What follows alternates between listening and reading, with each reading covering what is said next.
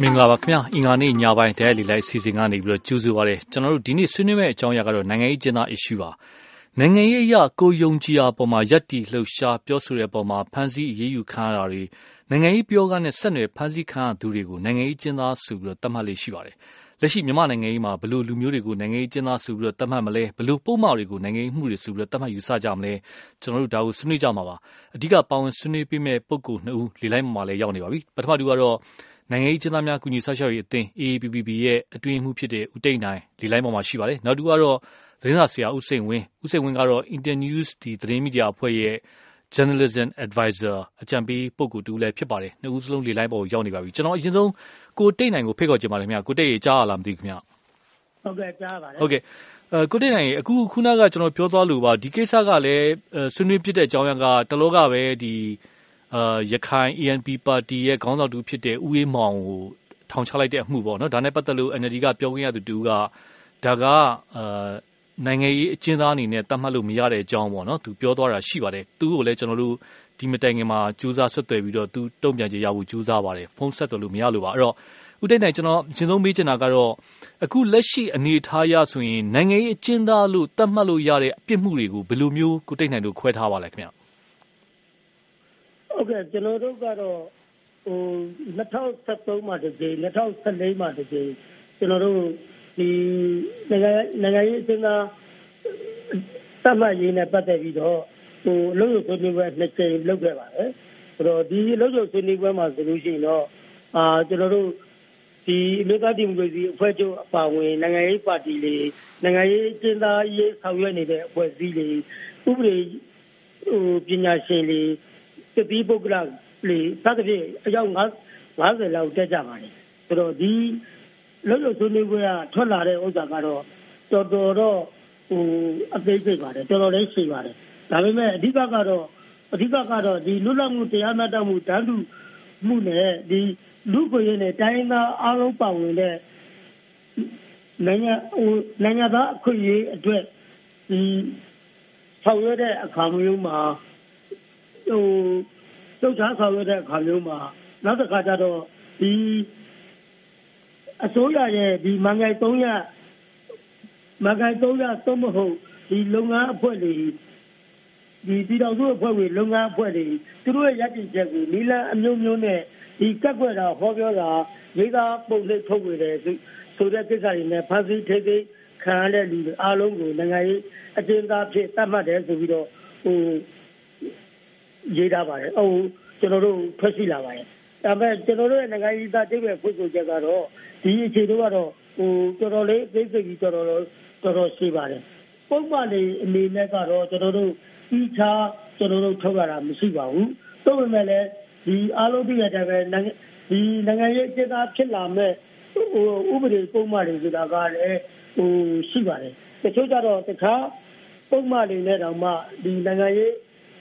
ဆောင်ရွက်တဲ့လူတွေကိုဖမ်းဆီးထိခဲ့ကြတာလည်းကျွန်တော်တို့တောက်လျှောက်ရှိခဲ့ပါတယ်။ဒါပေမဲ့ကျွန်တော်အခုပြောချင်တာကဒီ1980ခုနှစ်ပေါ့ကျွန်တော်တို့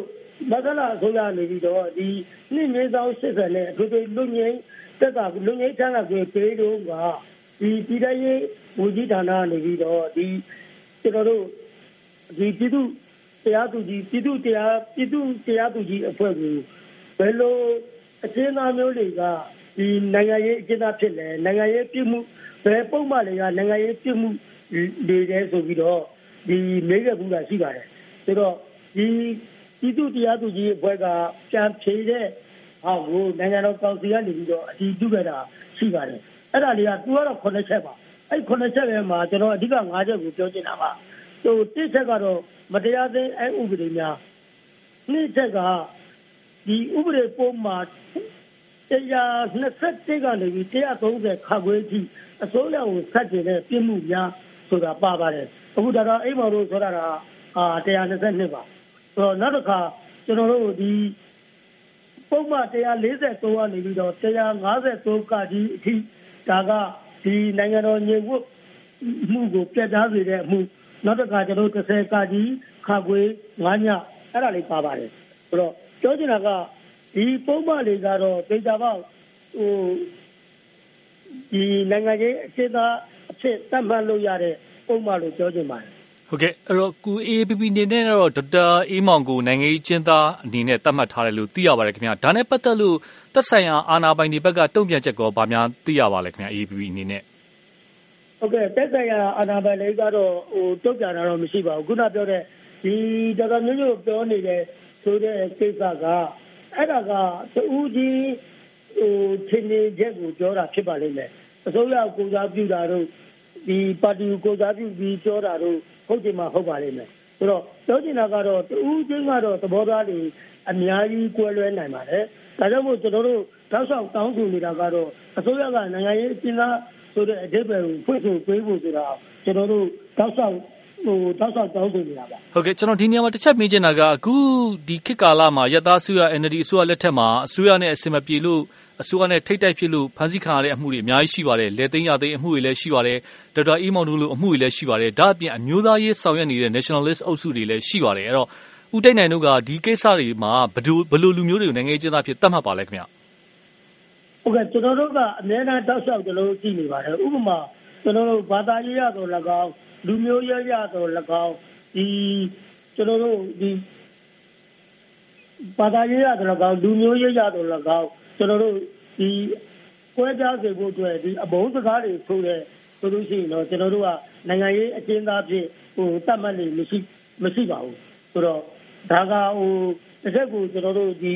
ပြည်တော်စုပြုတ်ကွဲမဲ့ကိစ္စမျိုးကိုတော့ကျွန်တော်တို့ကအများအားသတိထားပါတယ်ဒါပေမဲ့1221 122ဆိုတဲ့ပုံမှန်က122ဆိုတဲ့ပုံမှန်ကတော့ပေချာပေါက်ဒီအဓိပ္ပာယ်ဖွင့်ဆိုတာကိုဖွင့်ဆိုထားတာကနိုင်ငံတော်ပုံကံမှုလို့ဖွင့်ဆိုကြတယ်တချို့ဒီအစိုးရလက်ထက်တွေမှာနိုင်ငံတော်စိတ်မခင်ရတန်စီမှုတို့ဟိုထွက်ဆိုတာရှိပါတယ်ဆိုတော့သဘောကဒီနိုင်ငံတော်ပုံကံမှုတို့ဒီနိုင်ငံတော်စိတ်မခင်ရတန်စီမှုဆိုတော့ပေချာပေါက်နိုင်ငံရေးနဲ့သက်ဆိုင်တဲ့ကိစ္စပါဒါကြောင့်ကျွန်တော်တို့ကဟို ဒါကနိုင်ငံရေးအကျဉ်းသားဖြစ်တယ်လို့ကျွန်တော်တို့သတ်မှတ်ရတာပါဆိုတော့ကျွန်တော်တို့နိုင်ငံရေးအကျဉ်းသားဖြစ်မသတ်မှတ်တဲ့ဒီဥပမာ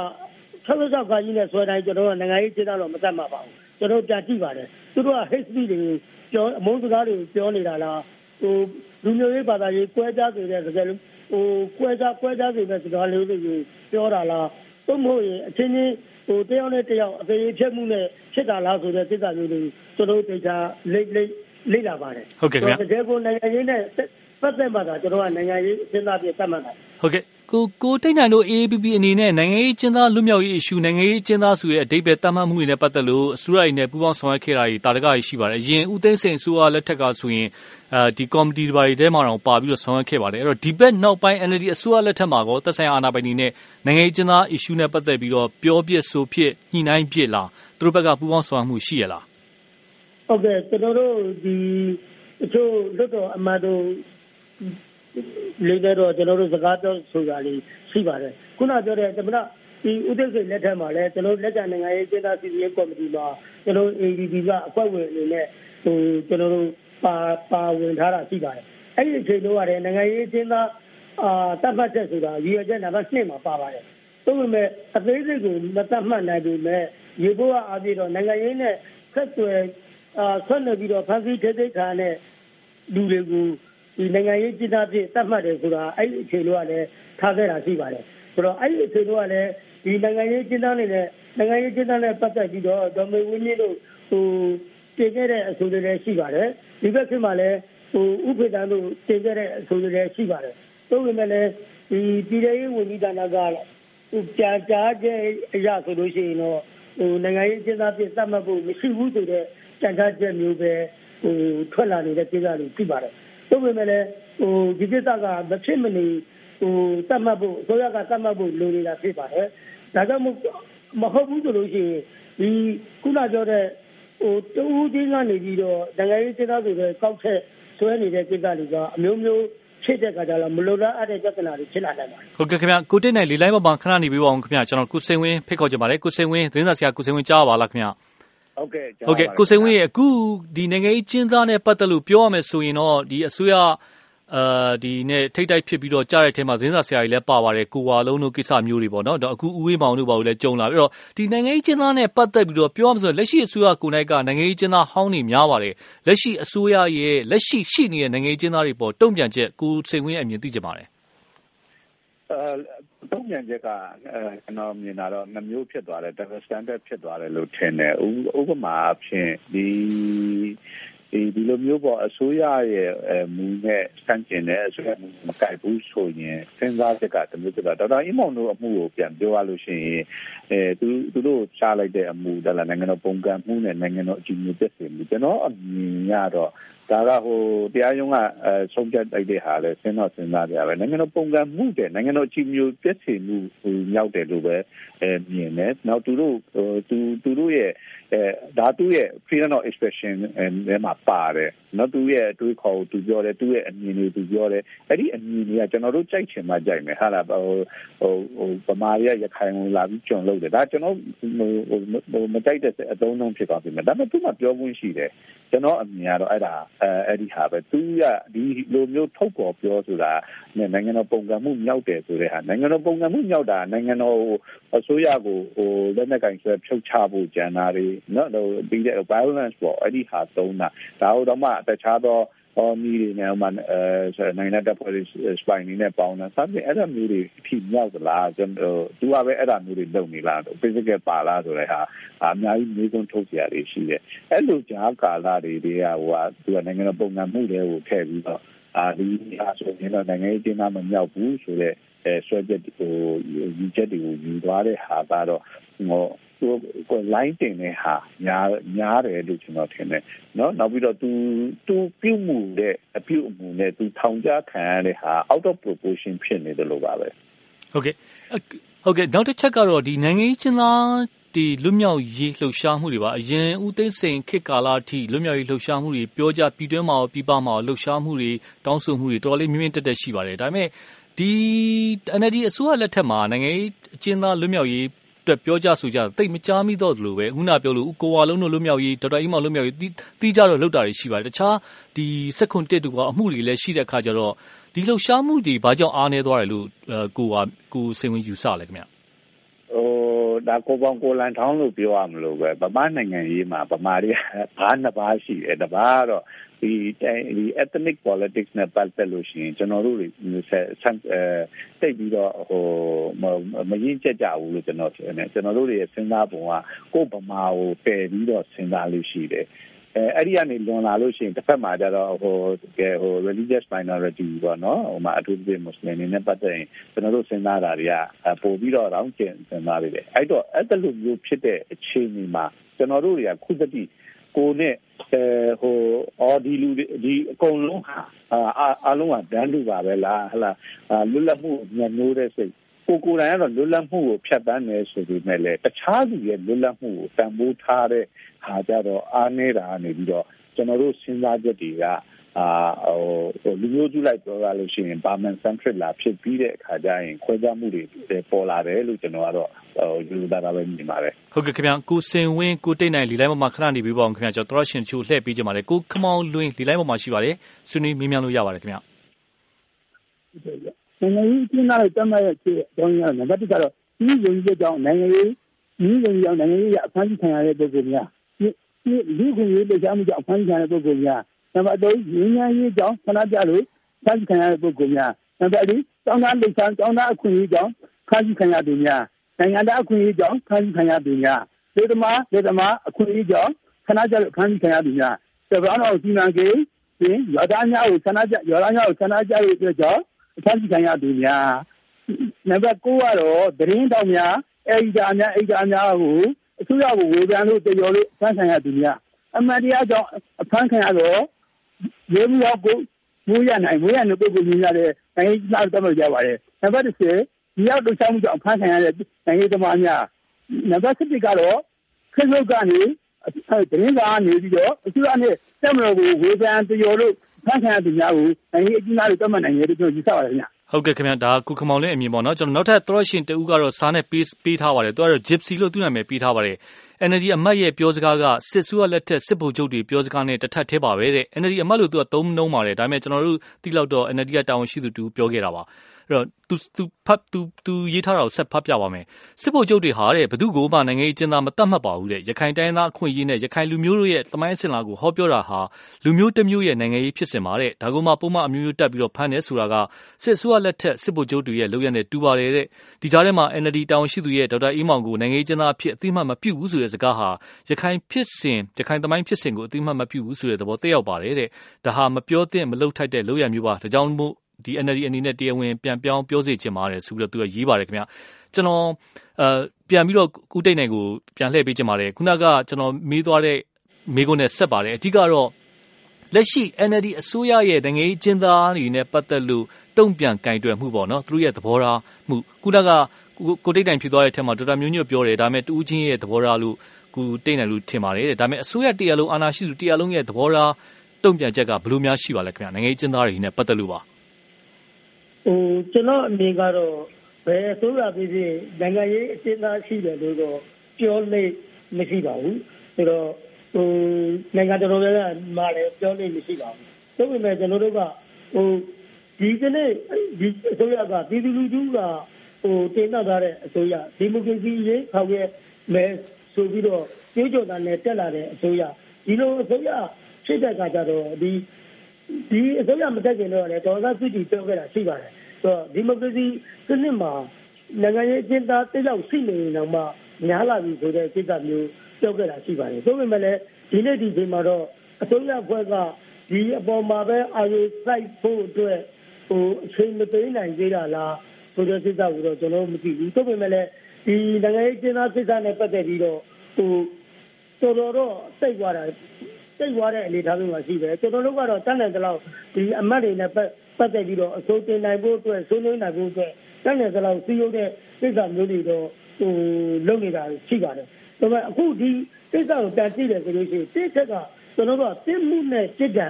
မဖျားတဲ့ကိစ္စဖြစ်ပါဆိုတော့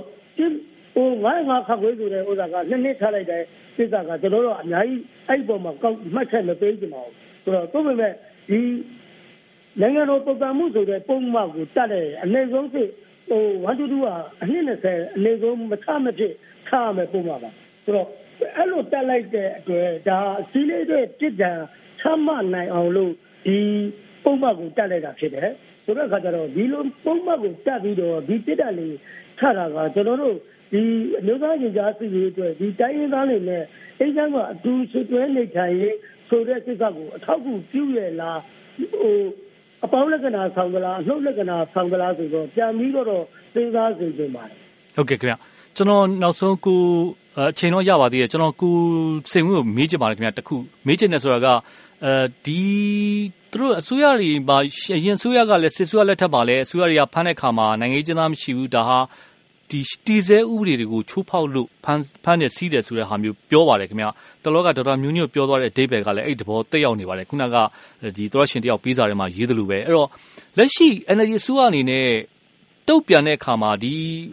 ဒီအတိုက်ခံနိုင်ငံသမားတွေတုံ့ပြန်တဲ့အခါမှာခုနဖမ်းတာစီးတာက နိုင်ငံရေးရတက်တက်ကို ချိုးတဲ့သဘောလို့ ယူဆပါလား တကယ်ပဲ ဥပဒေရဖြစ်နေလို့လားဘလို့တို့ ယူဆပါလဲဗျာဥပဒေရဖြစ်မဲ့ဆိုလဲ လွှတ်တော်ဘက်ကနေ ဥပဒေပြမှုကြိုးစားမှာပေါ့နော်ဥပဒေရတကယ်ပဲ တည်ဆဲဥပဒေတွေ ချိုးဖောက်နေလို့လား နိုင်ငံရေးရနှိပ်ကွက်တဲ့သဘော ဆောင်ပါလား ကိုရဲ့ကိုစိတ်ဝင်အမြင်သိကြပါလေတစ်ကတော့ အစိုးရရဲ့ သဘောထားပေါ့ ကျွန်တော်တို့ဒီဒီအခုလက်ရှိ အစိုးရကဟိုအရင်နှုံးကဘလူးမဆန်တဲ့ အဖြစ်တွေကို နောက်မဖြစ်အောင်ဆိုပြီးတော့တော်လန်တဲ့အစိုးရနေပြီးတော့ဒီလိုမျိုးဖြစ်လာခဲ့တယ်ဒါပေမဲ့သူအစိုးရဖြစ်လာတော့ဝင်လာအစိုးရစိတ်ဆိုတာဗာလဲဆိုတော့အဲဒီနိုင်ငံကိုဟိုတည်ငြိမ်ဖို့ဟိုဟိုဟိုဒီနိုင်ငံလုံခြုံဖို့စသဖြင့်ဒါတွေကိုပဲရှေ့တန်းတင်ပြီးတော့စဉ်းစားတာပေါ့အဲ့ဒီတော့ခုနကပြောတဲ့ကိုရင်ကဒုက္ခဒုက္ခခံပြီးတော့ တိုက်ခဲ့တဲ့တံမိုးထားမှုတွေကိုပြစ်ချလိုက်ပြီးတော့ဒါအားဒါတွေကတော့ဟိုသူတို့ဒါလုပ်လို့ဒါခံမှာပဲဆိုတဲ့စဉ်းစားမှုတွေးမှုပေါ့နော်တစ်ဖက်မှာတော့လေဒီအစိုးရကတရားစီရင်ကိုဝင်ဆွတ်သလားပေါ့ဒါဒါကတော့တချို့ဟို case by case ဆိုတဲ့ဟိုအမှာပဲကြာမှာဒေါက်တာအင်းမောင်အမှုမှာဝင်ဆွတ်တယ်လို့တော့ကျွန်တော်မထင်ဘူးဒါပေမဲ့ဘာဖြစ်လဲဆိုတော့ကျွန်တော်တို့ရဲ့တရားစီရင်ကတရားသူကြီးတွေကဟိုဘယ်ကလေတိုက်လဲဆိုတာကိုကြည့်ပြီးတော့ရိမ့်နေတာလား အဲ့ဒါအဲ့ဒီခါကျတော့ဒီဟိုပတ်ဝန်းကျင်ကဘယ်လိုတွေပြောနေလဲအာဟိုအစိုးရရဲ့သဘောထားအာဏာရှိတဲ့လူတွေရဲ့သဘောထားဘယ်လိုလဲအဲ့ဒါပြဿနာလာဖြစ်တယ်အဲ့တော့ကိုကအစိုးရကိုယ်တိုင်ကအဲ့လိုကိုကိုယ်တိုင်နဲ့ impartial ဖြစ်ဖို့လိုတာပေါ့ကိုကဖြောင်းဖြောင်းမှတ်မှတ်နဲ့ဒါကိုဆွဲကင်မှသာလေတရားစီရင်ရေးကိုဟိုလုံးဝနော်ရဲရင်တာမှာပေါ့ကျွန်တော်တို့ရှိမဲ့တရားစီရင်ရေးကအဲ့လိုမျိုးရောက်ဖို့အတွက်ဘယ်သူကပဲလုံနိုင်လဲဆိုတော့ အာဏာရှိတဲ့လူတွေကပဲလုံနိုင်နေဟာအာဏာရှိတဲ့လူတွေကအဲ့ဒါကိုဟိုကိုကိုယ်တိုင်ပေါ်မှာကျွေးနေဟာကိုကိုကိုယ်တိုင်ကလည်း